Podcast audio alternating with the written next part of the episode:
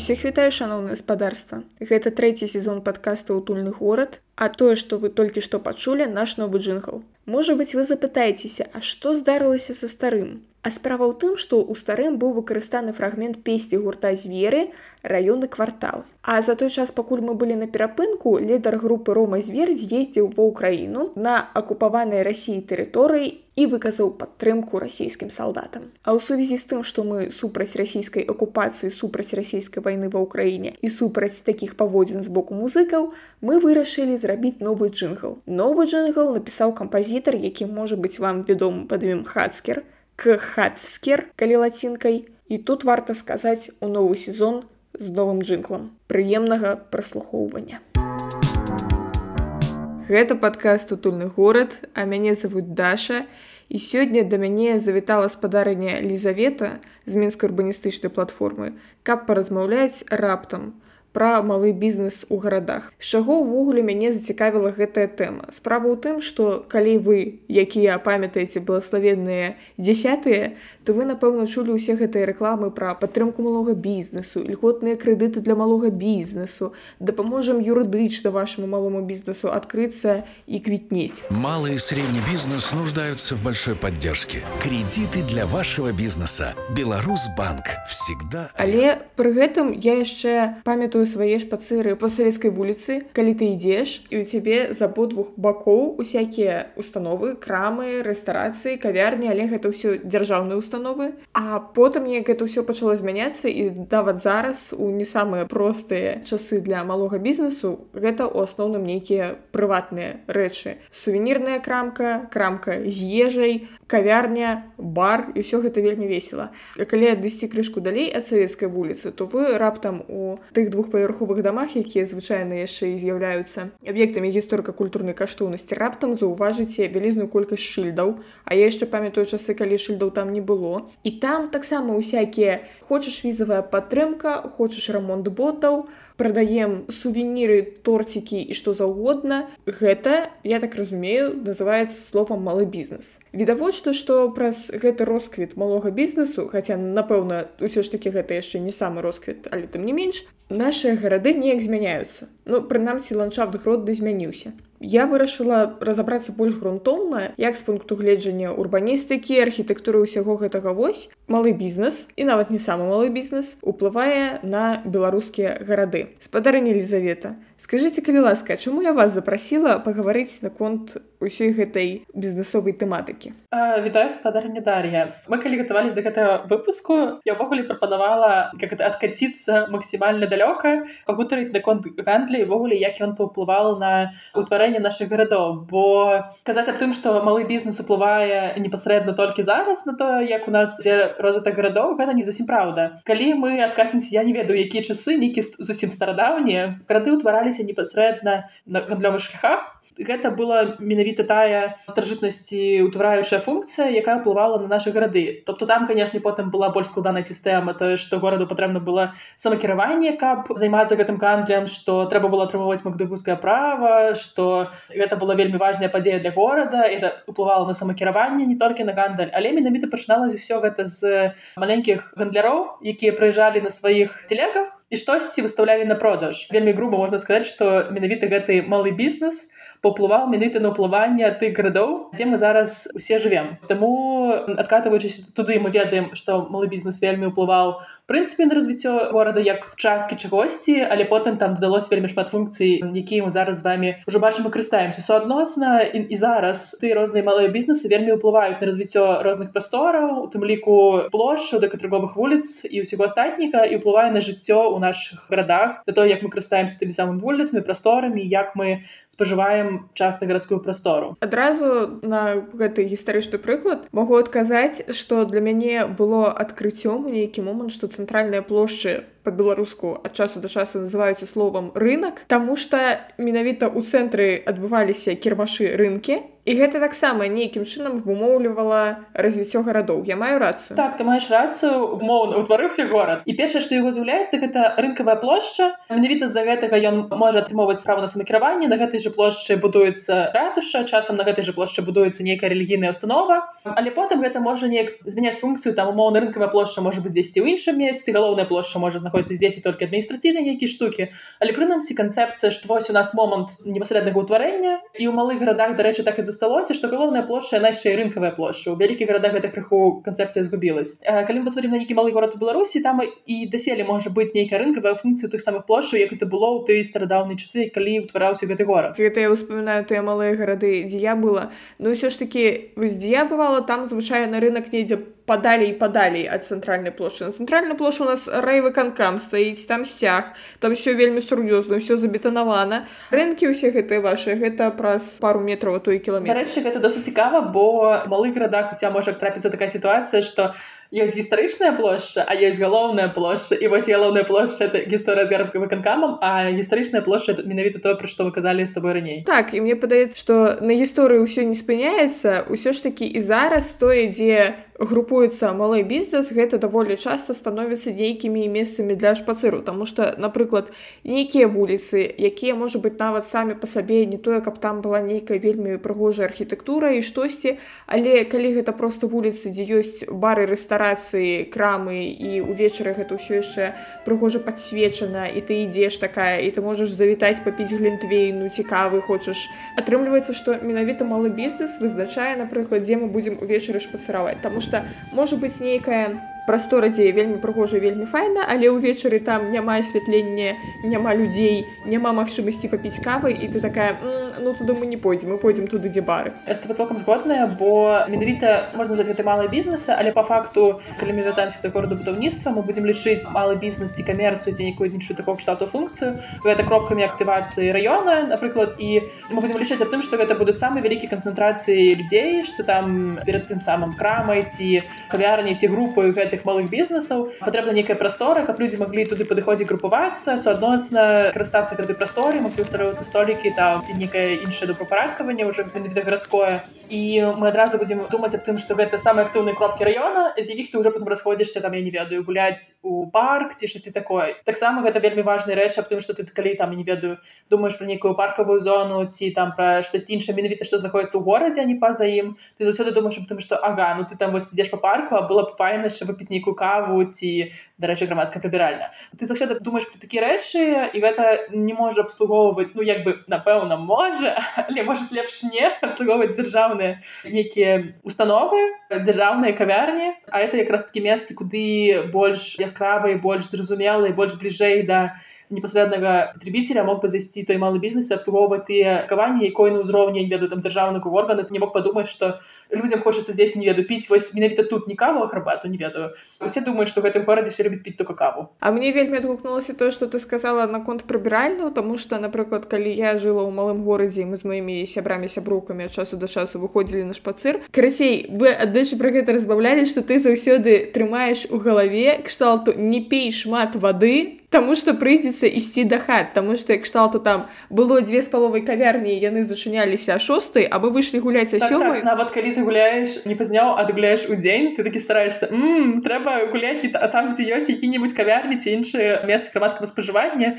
і гэта нейкія досыць натуральныя рэчы пра які трэба думаць і казаць і пра якіх калі ты пра гэта не кажаш што гэта праблема. Падаецца што гэтага няма але гэта на жаль ё зноў ж вяртаючыся да малых гарадоў я на ўласным досведзе таксама пабачыла як гэтыя самыя кропкі малога бізнесу становяцца кропкамі прыцягнення ў нейкіх даволі невідавочных сітуацыях. Напрыклад у адным малым горадзе адкрыўся бар які насамрэч цяжка назваць барам тому что там не гатавалі ніякія адмысловыя напоі і ніякую адмысловую ежу там просто было тое ж самае піва і тыя ж самыя чыпсы што ў краме насупраць толькі там у паўтары разы даражэй. У чым была фішка фішка гэта было адзінае месца дзе ты там пасля шостой гадзіны мог магла прыйсці пасядзець табе на галаву не капаў дождж і параспяваць напоі не парушаючы заканадаўства Рэспублікі Беларусь. І яшчэ там было прыбіральна наколькі я памятаю. І атрымліваецца што вось гэты бар з нейкай вельмі дзіўнай мэтавай аўдыторыі раптам стаў месцам прыцягнення ўсяго горада. Туды хадзілі ўсе. Інтэлігенты працоўныя і школьнікі і студэнты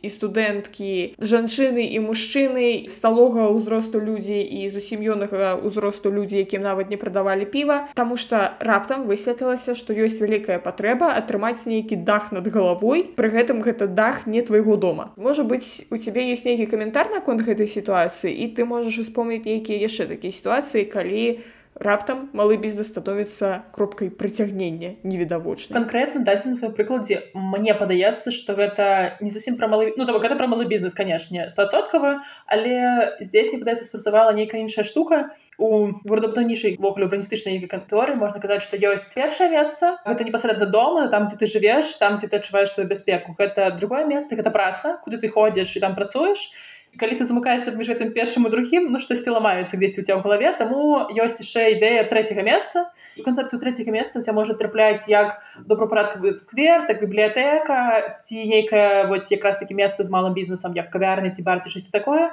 І гэта нейкая патрэба людзей пазбегнуць вось гэтай тыпу хождения з першага до другого месца ў нейкай трэцяе где яны могуць пабавіць час устрэць людзей нават калі ты не супадаеш з гэтай аўдыторыі гэта адзінае месца то хутчэй за ўсё гэта можа стаць кропкай прыцягнення і недахоп такіх месцаў на жаль выклікае фрустрацыю і немагчымасць камунікаваць такі трэці месяц выконваюць вельмі важную функцыю тым ліку сацыяльную камунікатыўную і ну часам эканамічная бо гэта ўплывае на стасункі паміж жыхарамі па сутнасці мясцовага кам'юніці это месца сустрэчы у канечным нейкім факце дзе ты сапраўды можаш сустрэцца з людзьмі акрамя сваёй сям'і акрамя нейкіх калегаў па працы часам менавіта малыя бізнесы не толькі яны але яны удзейнічаюць у фармаванні гэтых прастораў ці прынамсі яны насучаюць гэтыя прасторы перад гэтым барам ёсць нейкая яшчэ прастора на якой там ставілі не ведаю стульчыкі а потым там просто прыходзілі сядзець уже не, не ў бары просто потусіць побач за людзьмі які знаходзяцца ў гэтым баре.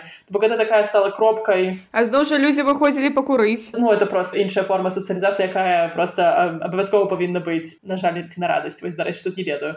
Таму мне падаецца што это вельмі файна што надзівілась хацелось бы напэўна каб малых гарадах было больш такіх выйсцяў бо это сапраўды важна важна людзям з улікам таго як змянілася сённяшняе жыццё менавіта гарадское жыццё гэта становіцца ягонай часткай неважна які гэта вялікі ці малы горад яно павінна быць. Можа это не абавязкова быць бар але мне зараз у галаве наўрад ці шэсці сплыве хаця нет не падаецца пры нейкіх вандроўках гэта маглі быць нават не бары а некая крама у якой прадаецца там я не ведаю нейкі адмысловы там сыр пусть будзе ці там штось іншае ці там бабуля які рахуюць у маленькую краму за малаком на зранку это штэшка по сацыяцыі по факце яны стаяць абмяркоўваць нейкія навіны пакуль там на зніжках забіраюць апошнія там што-небудзь мне вельмі падабаецца гэта канцэпт трэцяга месца і неабходнасці пажаданасці наведваць гэтыя трэція месцы для цябе самой каб выходзіць са сваёй бурбалкі у нейкі момант. Тому что напрыклад калі мы ўявім сабе чалавека які істуе у сябе ў хаце і у сябе на працы то і туды ён дабіраецца на ўласным аўтамабілю і з калегамі ён камунікуе па працоўных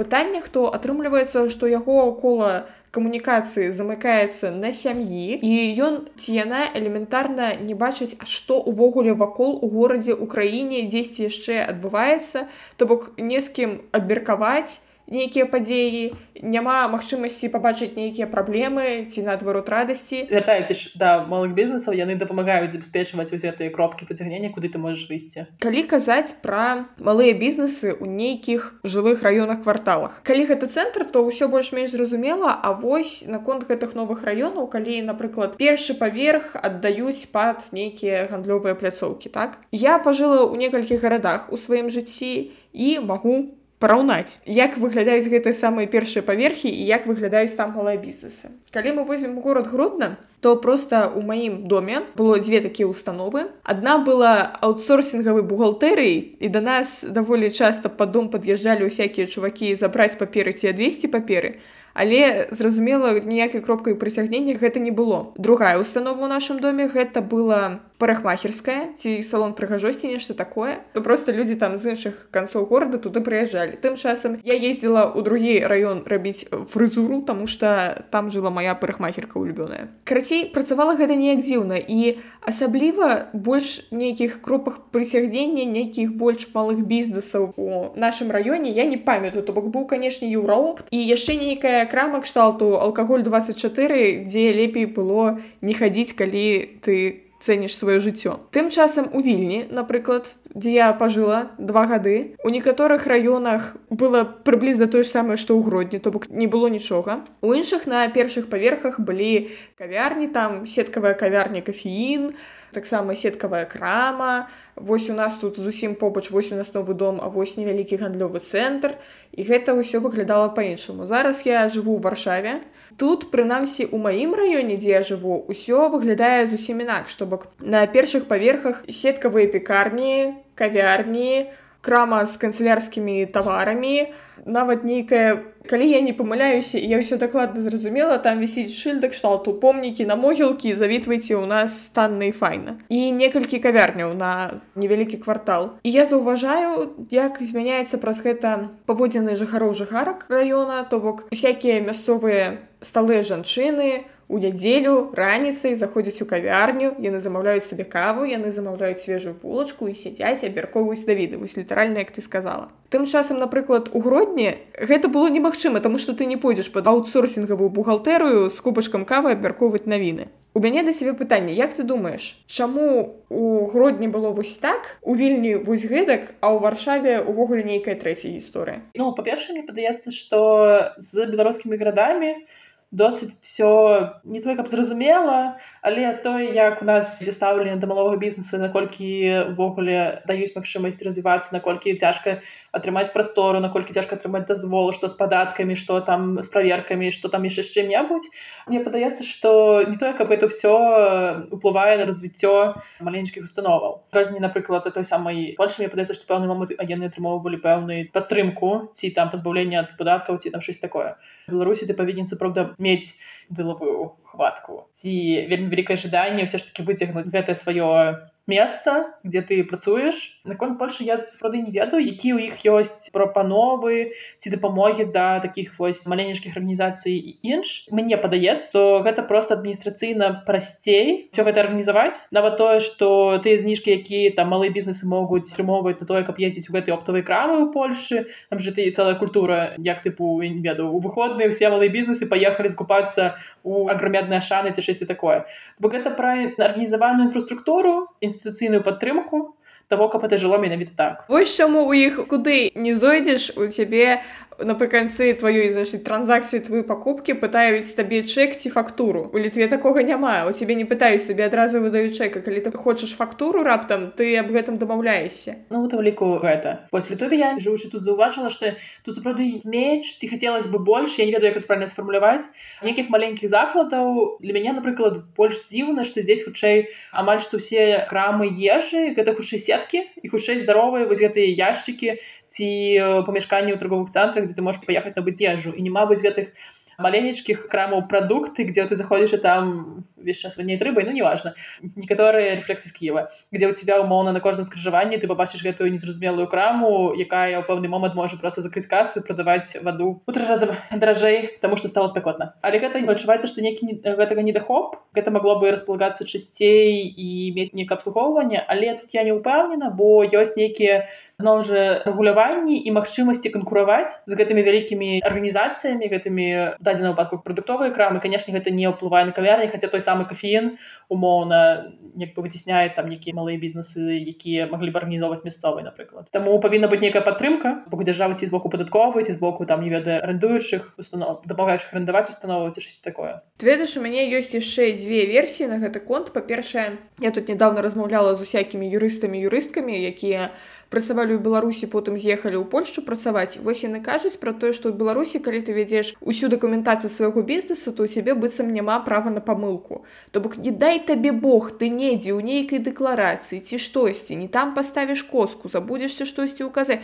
можаш ужо наймаць адваката таму што крымінальная справа грукаецца ў твае дзверы умоўна але ў некаторых ступені так і ёсць тым часам людзі якія пачалі весці свой бізнес у польшчы ці займацца юрыдычным абслугоўваннем гэтага бізнесу кажуць пра тое што у польльше нашмат прасцей. І калі ты раптам робіш нейкую памылку ў дакументах ці яшчэ штосьці то табе просто кажуць слухай у вас там памылка штосьці не сыходзіцца выправі калі ласка каб сапраўды да сябе прыйшлі нейкія правяраючыя установы і сказалі шаноўны бізнесоўца у вас тут хутка пачнецца крымінальная справа тому что вы ўсё парушылі мусіць адбыцца нешта экстраардынарнае а тое что ты там недзе штосьці не той процент даплаціў не даплаціў ну плаці ну, нічога страшнага у прынцыпе такое стаўленне пытанне у матывацыі і ў мэце якой ты увогуле гэтым усім займаешься бізнесе тобто калі ты кажаш что Окей мы сапраўды дапамагаем бізнесу выдзяляем гэта такія-то грошы і гэта робім нейкім публічным часткай нашага наратыва что і сапраўды усе іншыя становы там напрыклад гэта адбылася заява на ўзроўні пусть будзе міністэрства эканомікі прымаюць нейкія заканадаўчыя акты ці щось такое які кажуць что да сапраўды гэта так і суадносна тады ўсе там іншыя падатковыя гэтыя цудоўныя фСЗны все что загод правяраючыя установы яны пачынаюць падпрадковвацца і теж уваходзіць наратыў што хутчэй трэба працаваць у дапамогу может яны ладзяць нейкія кансультацыі бескаштоўныя ці там просто ставіцца больш лайтова да гэтых малых бізнесу і гэта нейкі такі наратыў А калі ты просто кажаш да мы за малы бізнес а потым нічога да гэтка не робіш а наадварот пытаешься яго задушыць тому что тебе жахліва што яны прымаюць рашэнне самастойна ну тада гэта канешне іншая справа. Ізноў мы скаціліся ў нейкую палітату што ж такое? І мне яшчэ падаецца што можа быць справа ў доходах насельніцтва то бок напрыклад калі чалавек абірае ці мне адкрыць маю кавярню недзе на дзевятоўцы раён такі ў гродні ці ў цэнтры цэнтры. І чалавек думае так ну увесь горад праходзіць праз цэнтр ва ўсім горадзе напэўна у 10 ці 20 ці ў нейкага адсотка насельніцтва ёсць грошы каб зайсці ў гэтую маю кавярню і там штосьці набыць. Тым часам на дзевятоўцы прапарцыянальна змяншаецца процент прахадзімасці і прапарцыянальна змяншаецца процент людзей якія могуць сабе дазволіць набыць маю каву. Да я лепей зраблю гэта ў цэнтры прынамсі там будзе больш людзей з грашыма праходзіць Я думаю тут яшчэ такая логіка спрацоўвае да нет цяжка. Наконт процента прахадзімасці пачнем з гэтага ввогуле ты па на ўзроўні планавання непасрэдна там раёна як гэта рэн функцыянуе звычайна асноўныя кропкі прыцягнення іх малююць побач з рознымі транспартнымі артэрыямі асабліва калі гэта нейкая перасадка бялізна ці шасці яшчэ зразумела што ёсць нейкія тыпу маленечкі штукі якія знаходзяцца ўнутры раёнаў але прынамсі вось у тебя есть прыпынак куды там сходіцца весь раён да тобто гэта вот тебе кропка праходжання іншая справа што сапраўды у тебя у адным раёне могуць жыць людзі з таким доходам іншым раёне людзі з іншым доходам это теж правда. Але нават людзі з маленькім доходам у іх могуць быць нейкія патрэбы Мачыма ім бы хацелось не каву купляць а паразмаўляць пра нейкія расткі якія яны будуць вырошчваць на дачы вот тебе ідэя для малага бізнеса якую можна а можа там лепш будзе шаурмічная працаваць бо там недахоп нейкай грамадскай ежы і вельмі патрэбна будзе тебе шавуха не ведаю там у пэўны момант калі ты зусім уже разглянешься не хочаш рытаваць ось і пэўна мод разленіцца весь раён то бок это зноў жа может быть подлажана под патрэбу непасрэднага гэтых раёна сапраўды так что чым менш грошай у тых людзей які там знаходзяцца і ходзяць тым менш магчымасці што тебя штосьці здарыцца. Зразумела что тебе прасце кры штосьці ў цэнтры чым на скрайку але у есть яшчэ такі досыць нюансныя рэчы што ну цэнтру у тебя рэнта будзе больш ты абіраеш паміж тым што ты можаш прапанаваць і насколько ты можаш быць канкурентна здольны ў пэўных месціках я разумею твой поинт наконт грошы ён сапраўды працуе калі у тебя няма грошы ты не будзеш купляць але яшчэ і працуе тое што у нас няма гэтай культуры грамадскага спажывання тобто ты паглядзі хто купляе тую самую каву гарбату у закладах у беларусі мне падаецца що нават у менску гэтых бабулек якія там выйшлі купіць каву знойдзеш вельмі рэдка это хутчэй будзе нейкая падзея сустрэцца з сяброўкай раз там на паўгады это будзе нейкае свята. Дарэчы я тут была ў адным маленькім горадзе у літове Боже я просто плакала. Я прыехала у горад дзесьці паловіна 10 ранка. Зайшла нейкую хіпстарскую кавярню і ў гэтай кіпскай кавярні сидзелі адні бабулі якія сустракаліся сваімі сяброўкамі такія все пры поўным парадзе неверагодна прыгожыя. І гэта выглядала менавіта не як тое што яны выйшлі раз на паўгады а што гэта яны робяць кожны выходны. У іх такое быць месца сустрэчы ў хіпстерскай кавярні замест тых самых хіпстраў які спаць зранку. Я тебе правяду аналагічны прыклад. Гэта са мной было ў вільні. Гэта быў дзень напэўна калі пенсія прыходзіць. Гэта была другая палова дню я зайшла а там тусуюцца значится мясцовыя сталога ўзросту жанчыны. І карацей яны акупавалі самы вялікі стол. Крацей па разбове стала зразумела што яны атрымалі пенсію і яны гэта адзначаюць. І некаторыя сыходзяць новыя прыходзяць распавядаюць якая чарга ў банку штосьці яшчэ. і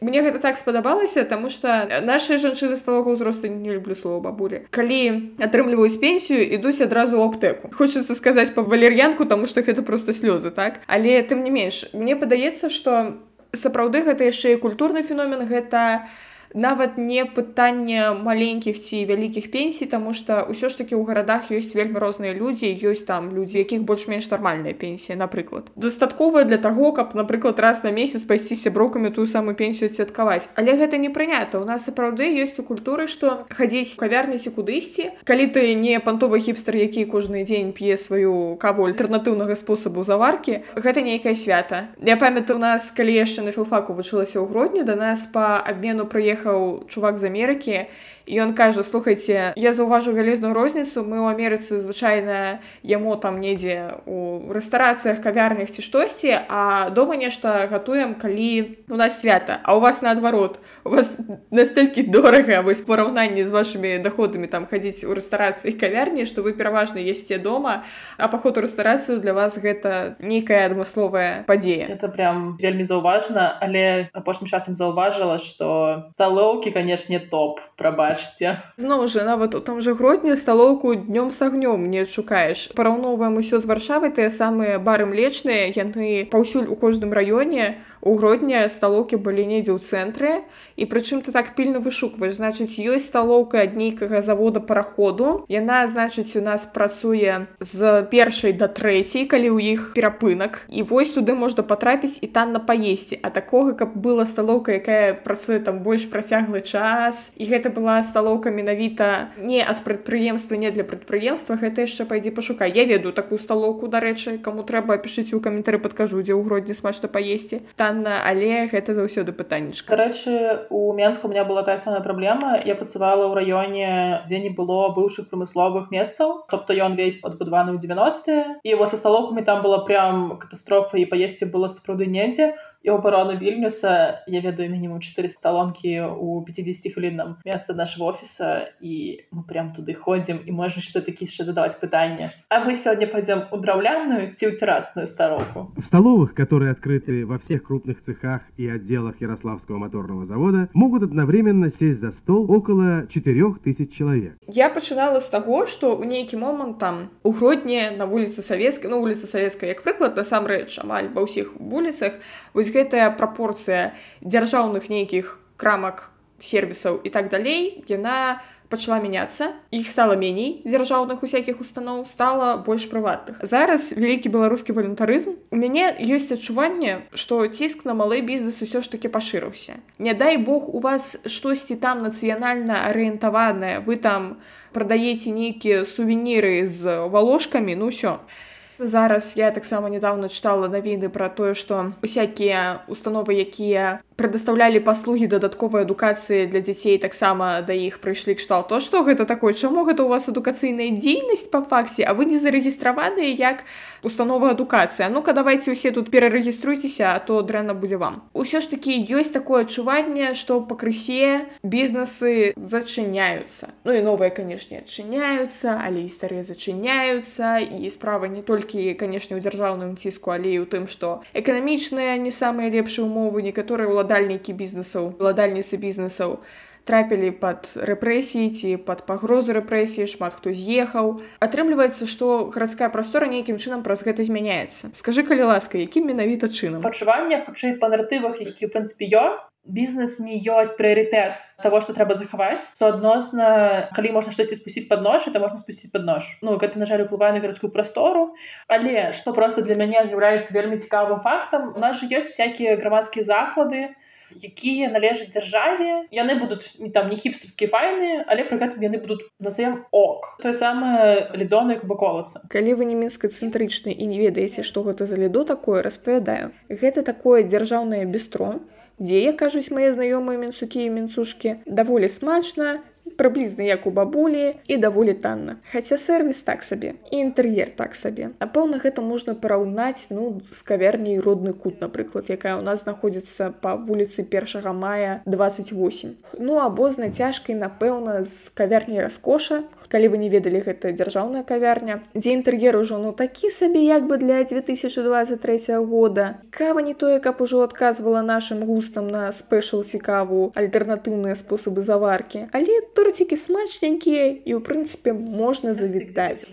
Баколаса ім у менску карыстаюцца яно назовем гэта ок і гэта месца грамадскага спажывання куды сапраўды ходзіць і гэта не у гэтым ландшафце выроўнівае сітуацыю што гэта бейсіклі ё да гэта не будзе там нейкае месца дзе ты можаш папіць файную каву пад праслухоўваннем нейкай файнай музычкі ці штосьці такое але такія месцы теж існуюць теж вельмі такая загадкавая гісторыя бо я не ведаю як прагародню але ў менску засталіся акрамя кастрычніцкай яшчэ некалькі анклаваў. Месцы где ты ўсё ж таки адчуваеш сябе сярод іншых людзей які рыбяць вось такую нестандартную каву не толькі там я не ведаю чорную каву з малаком а нейкае шасці іншае яны все ж таки захаваліся застаюцца і нейкім чынам все ж таки трымаюцца і маюць нейкі розвітак. Вось таму ландшафт змяніўся змяніўся але мне падаецца што ён вельмі стаў арыентаваны на вельмі дакладныя цылёўкі тобто ты менавіта там адчыняеш ці уже давно працуеш знаеш ты их не ў лицо але прынамсі портрет тых людзей якія да тебе завітваюцца.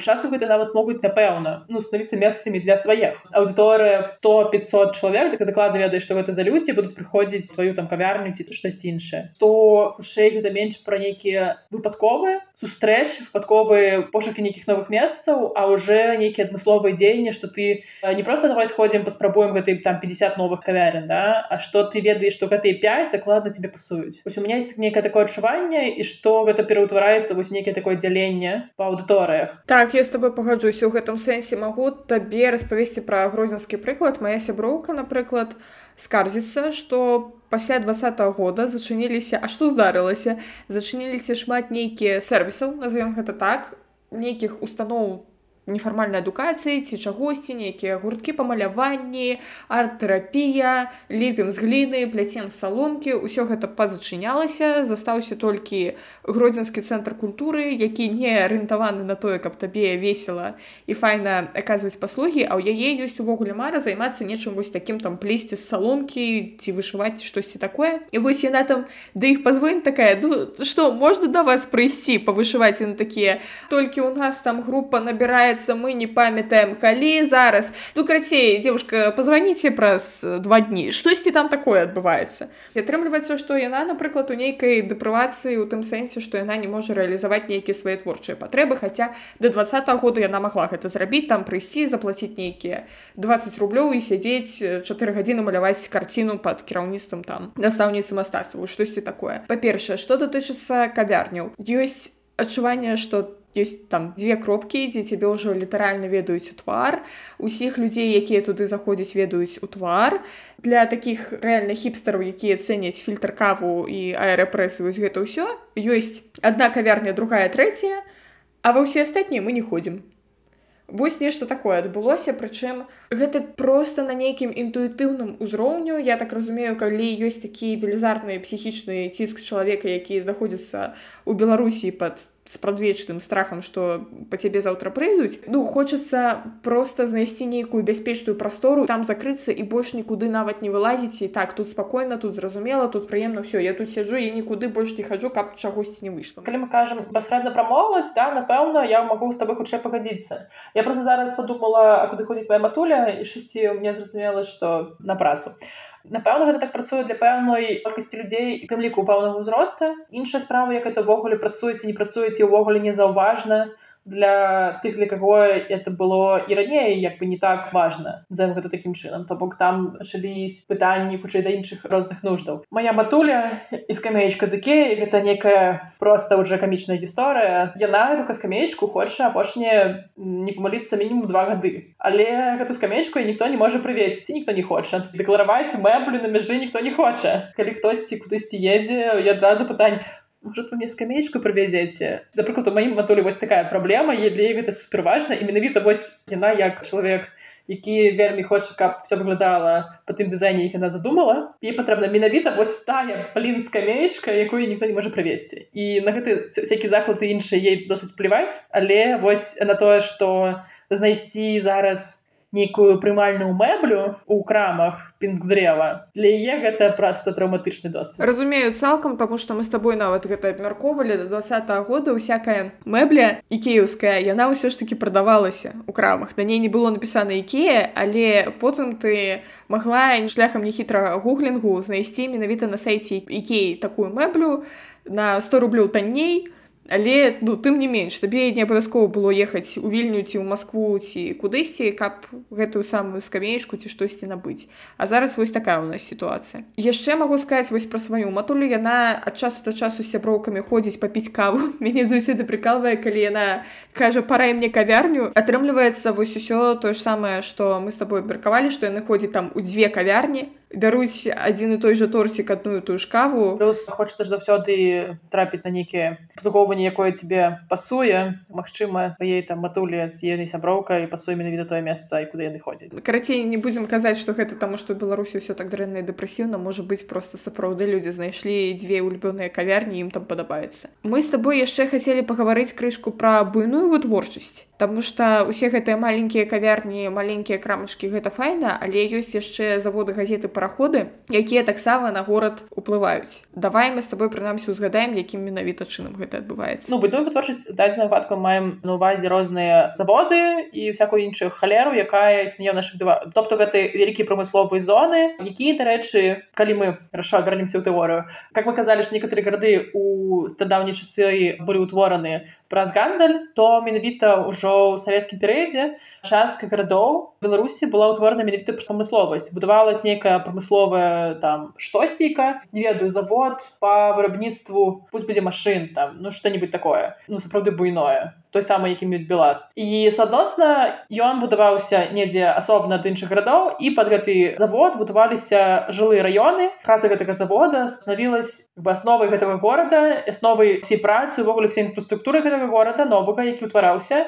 Такі гарады назывались монагарадамі тыя хто звязаны менавіта вось гэтай адной працы якая існавала ў гэтым горадзе. Все ў гэтым горадзе просто абслугоўвала прынамсі спачатку толькі гэты завод то бок гэта працоўныя нейкія месцы там на самой непасрэдна прамысловасцю гэта адміністрацыйнай пазіцыі гэта адзенне пра якое прадавалася людзей гэтага завода. Гэта нейкія сталоўкі гэта крамы. Можна называць любую нейкую актыўнасць і дабаўляць для людзей гэтага завода.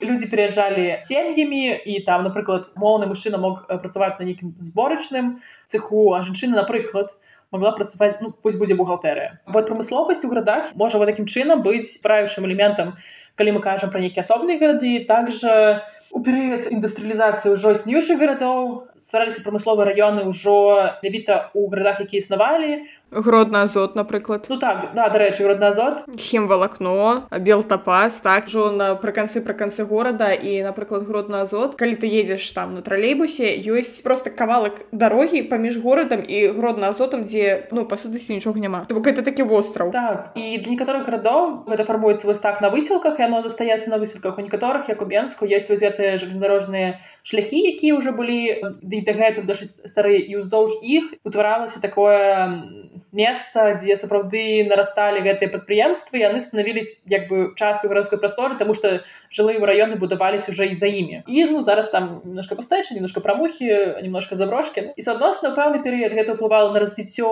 урбанізацыю гарадской прасторы а на зараз гэтым есть пытанне бо гэтыя прамысловай вытворчасці часам они просто не патрэбны часам не патрэбны такой колькасці часам гэтай вытворчасці патрэбны вельмі вялікая мадэрнізацыя значыць хутчэй за ўсё ўсё скарачэнне самой плошчы гэтых раёнах за то закон таго што падвышаецца там узроўні тэхналагічнасці працэсаў і гэта больше не агромная халера просто зборачны цеха это робіцца умоўна адмангары то бок у пэўны час гэтай прамысловай тэрыторыі маглі ўплываць добра на эканамічную частку сацыяльная такая іншая гісторыя А вось на зараз это уже хутчэй становіцца пытаннем а тым яму працуем з гэтымі тэрыторыямі ці сапраўды цяпер ужо гэта уплывае на розвітак бо напрыклад пытанне экалагічнасці заўсёды не заўсёды пытанне по наш люблёны трактарны завод у менску ці о божа мой улюблёны маргарынавы завод менска калі пераехалі ў іншае месціка я зразумела что такое маргарынавы завод нават наждом знаходзіўся ў санітарнай зоне бяспекі ўжо ты падалёк ад гэтага завода але ты адчыняеш свае гэтыя умоўна новенькія беленькія вокны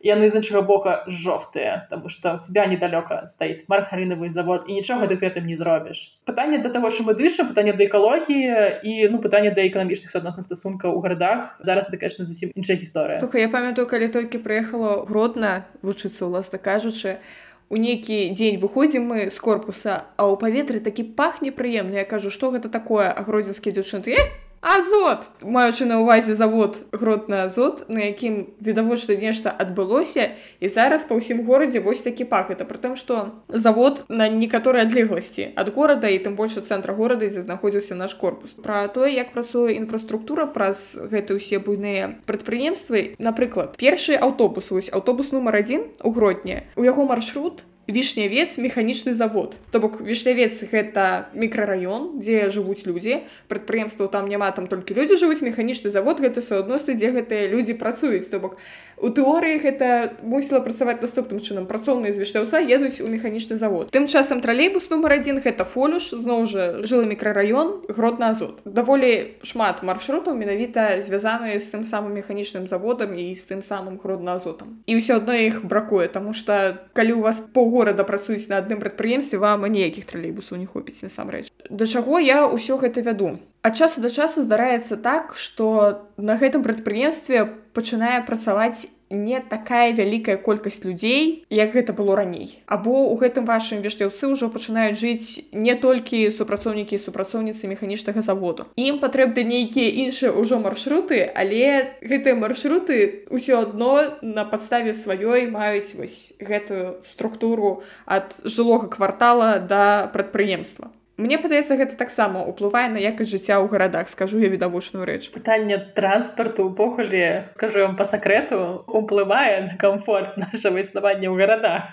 Маршруты павінны змяняцца под патрэбу людзей. Нужно абслугоўваць там розныя рэчы. Там одна сітуацыя калі у тебя ходзіць маршрут жнеўца на завод это не ката сітуацыі гэта не пасуе там нейкі мясом камусьці может і пасуе. А можа дарэчы пакуль там едзе на завод а не абслугоўваць нейкі іншыя там рэч ёсць іншая сітуацыя. Напрыклад калі у вас все маршруты з ускрайку едуць цэнтр і няма нейкіх колавых маршрутаў які могуць абслужыць тыпу даехаць у менску даехаць з ангарскай на зеленом луга хотя б есть прямы аўтобус часам как-нибудь даехаць не праз цэнтр это вельмі цяжкая задача. Я табе скажу что гэтая праблема что з ускрайка на ускрайкі цяжка патрапіць гэта сапраўды ёсць такая праблема ў горадні. Напрыклад возьмем мой улюбёны мікрараён паўднёвы. Был былы пасёлак паўднёвы самы часты маршрут які там ходзіць гэта 21 аўтобус які звязвае уласна кажучы паўднёвы з цэнтрам. Ёсць суседні мікрараён вішнявец. То бок у прынцыпе прайсці там 15 хвілін з мяжы мікрараёна да мяжы мікрараёну і вось ты ўжо тэрытарыяльна у мікрараёне вішнявец. Але напрыклад каб патрапіць у тую ж паліклініку на вішняўцы то табе трэба чакаць там там 37 ці 30 аўтобус якія ходзяць раз на гадзіну. 21 ідзе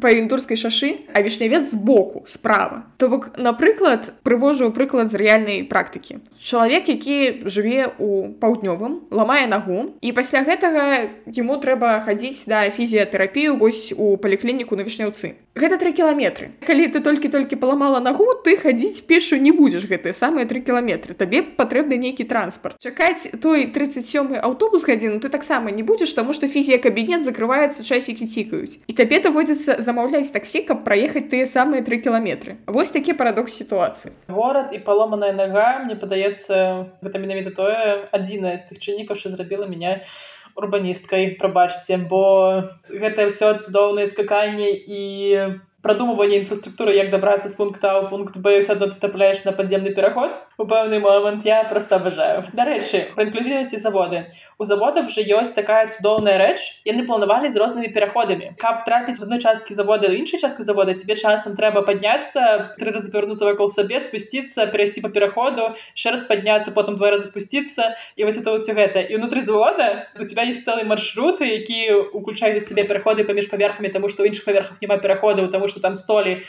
разлічаны два паверха а дзесьці наадварот у тебя маленькі столі а дзесь зробленыя такія перамычкі паміж будынкамі на трэцім паверсе вось і гэта тоже асобная вельмі цікавная гісторыя. Як ты трапляеш з нового корпуса завода ў іншы корпус завода часам тебе трэба выйсці на вуліцу узімку у мінус 30 просто каб я не ведаю отнесці документаў бухгалтеру мне гэта все нагадала гісторыю у гары потары з лесвіцамі якія мяняюць напрамак. Мне падаецца Джон роулінг зрабіла метафору савецкага заводу у старажытным ангельскім замку. Яшчэ наконт гэтых заводаў я даволі часта чую што калі прыйдзе час штосьці рабіць з усімі гэтымі заводамі якія насамрэч працуюць неэфектыўна але яны не закрываюцца просто каб забяспечыць людзей працоўнымі месцамі у якіх насамрэч няма сэнсу. У нейкі момант карацей беларусі надыдзе такі час калі ўсё ж таки прыйдзецца гэтыя заводы закрываць. Просто ну так здараецца ва ўсіх краінах амаль што што рабіць з гэтымі будынкамі заводу? Я адчую вельмі аптымістычнае меркаванне наконт таго што вось будзе як у менску гастрэчніцкая калі усе гэтыя прамысловыя будынкі перарабілі пад нейкія канцэптуальныя лофты і там будуць арт-прасторы кавярні бары ўсё стаць. Гродзенская праблема ў тым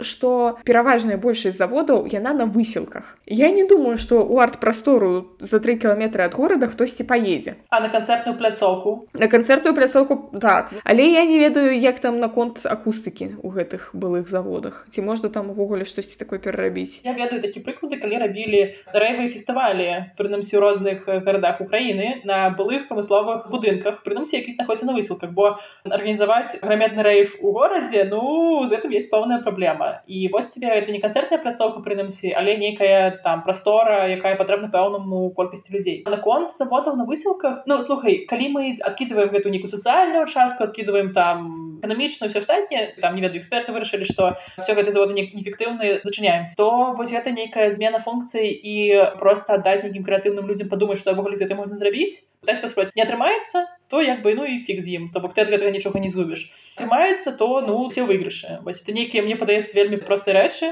просто даць падумаць тым хто сапраўды валодае не гэтым ведаеш адміністрацыйным умом які толькі вось есть набор правіл у межах гэтых правіл ты існуеш то мне падаецца што з этого як мінімум можна пачаць плюс конечно вельмі залежыць ад узроўня санітарнай бяспекі бо рознасць прамысловасці гэта пра забруджанасць і на некаторыя рэчы ты просто не можешь пускать людзей бейсіклі я ведаю что напрыклад лофты ну вот эти якія тыпу культурныя прасторы гэта нейкая одна сітуацыя але ж мы там з улікам того колькі прамысловасці ў гарадах пазасталося мы ж не можем у кожнай адкрыць культурную прастору. Тып у нас будзе самыя культурныя гарады я напрыклад бачу ну, зразумела есть варыянт калі ты просто все зносіш ну well это тыпу надта просто. А я бачыла нават у вільні стары прамысловы будынак зрабілі з яго жыллё тобто яны просто дасталі кусок секцыю у цэнтры і атрымаўся такі домик з унутраным дваром где у тебя па крайніх секцыях жылыя будынкі і там нават бачна як знаходзяцца гэтыя прамысловыя бетонныя фермы. У этой фермы устроілі шкло а старыя фермы по цэнтру якія у разобранай часткі так і засталіся вісець над гэтай усе прасторы тобто там такі вельмі уютны насамрэч вайп але пры гэтым такі постпрамысловы досыць прикольна ну то бок як адна з опцый версій ну а чым і атрымалася пляцоўка каб здымаць кліпы для гурта молчат дома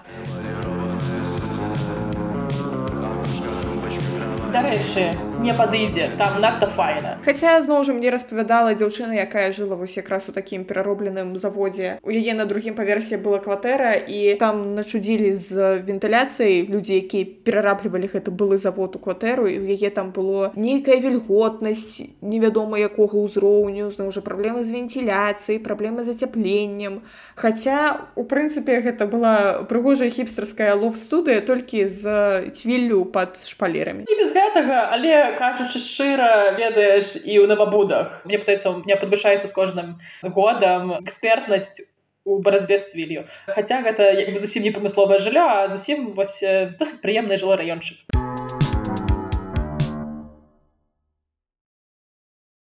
Малы бізнес і буйны бізнес уплываюць на гарадскую прастору калі ў некалькіх тэзісах слухай давай ты пачнем з буйнога бізнеса бо для мяне гэта адкрытае пытанне ягоная магчымасць суіснаваць гарадскім асяроддзям прынамсі у тым выглядзе якім ён існуе напэўна я бы хутчэй не стала ведаеш вырезаць плеча ўсё дрэнна і все давайте все срэжам то бок не давала мне гэтага парады але вельмі бы яшчэ раз тройчы падумала ўсё ж таки як ён сумяшаецца з гарадской прасторы як сумяшаецца менавіта з горадам і з гараджанамі. Бо сапраўды некаторыя все ж такі рэчы якія забруджваюць паветра робяць вельмі шмат хворых людзей пасля гэтага гэта напэўна все ж таки не файна вось про такія штукі можна было все ж таки падумаць ці як это зрабіць больш бяспечнасць пункту гледжання тэхналогіі ці все ж таки думаць пра вынас гэтай прамысловасці з гарадскога асяроддзя і тут як бы мне падаецца что это вельмі некачасная гісторыя але суадносна зразумела что некаторыя прамысловасці яны дапамагаюць гораду існаваць дапамагаюць гораду зарабляць і все гэтае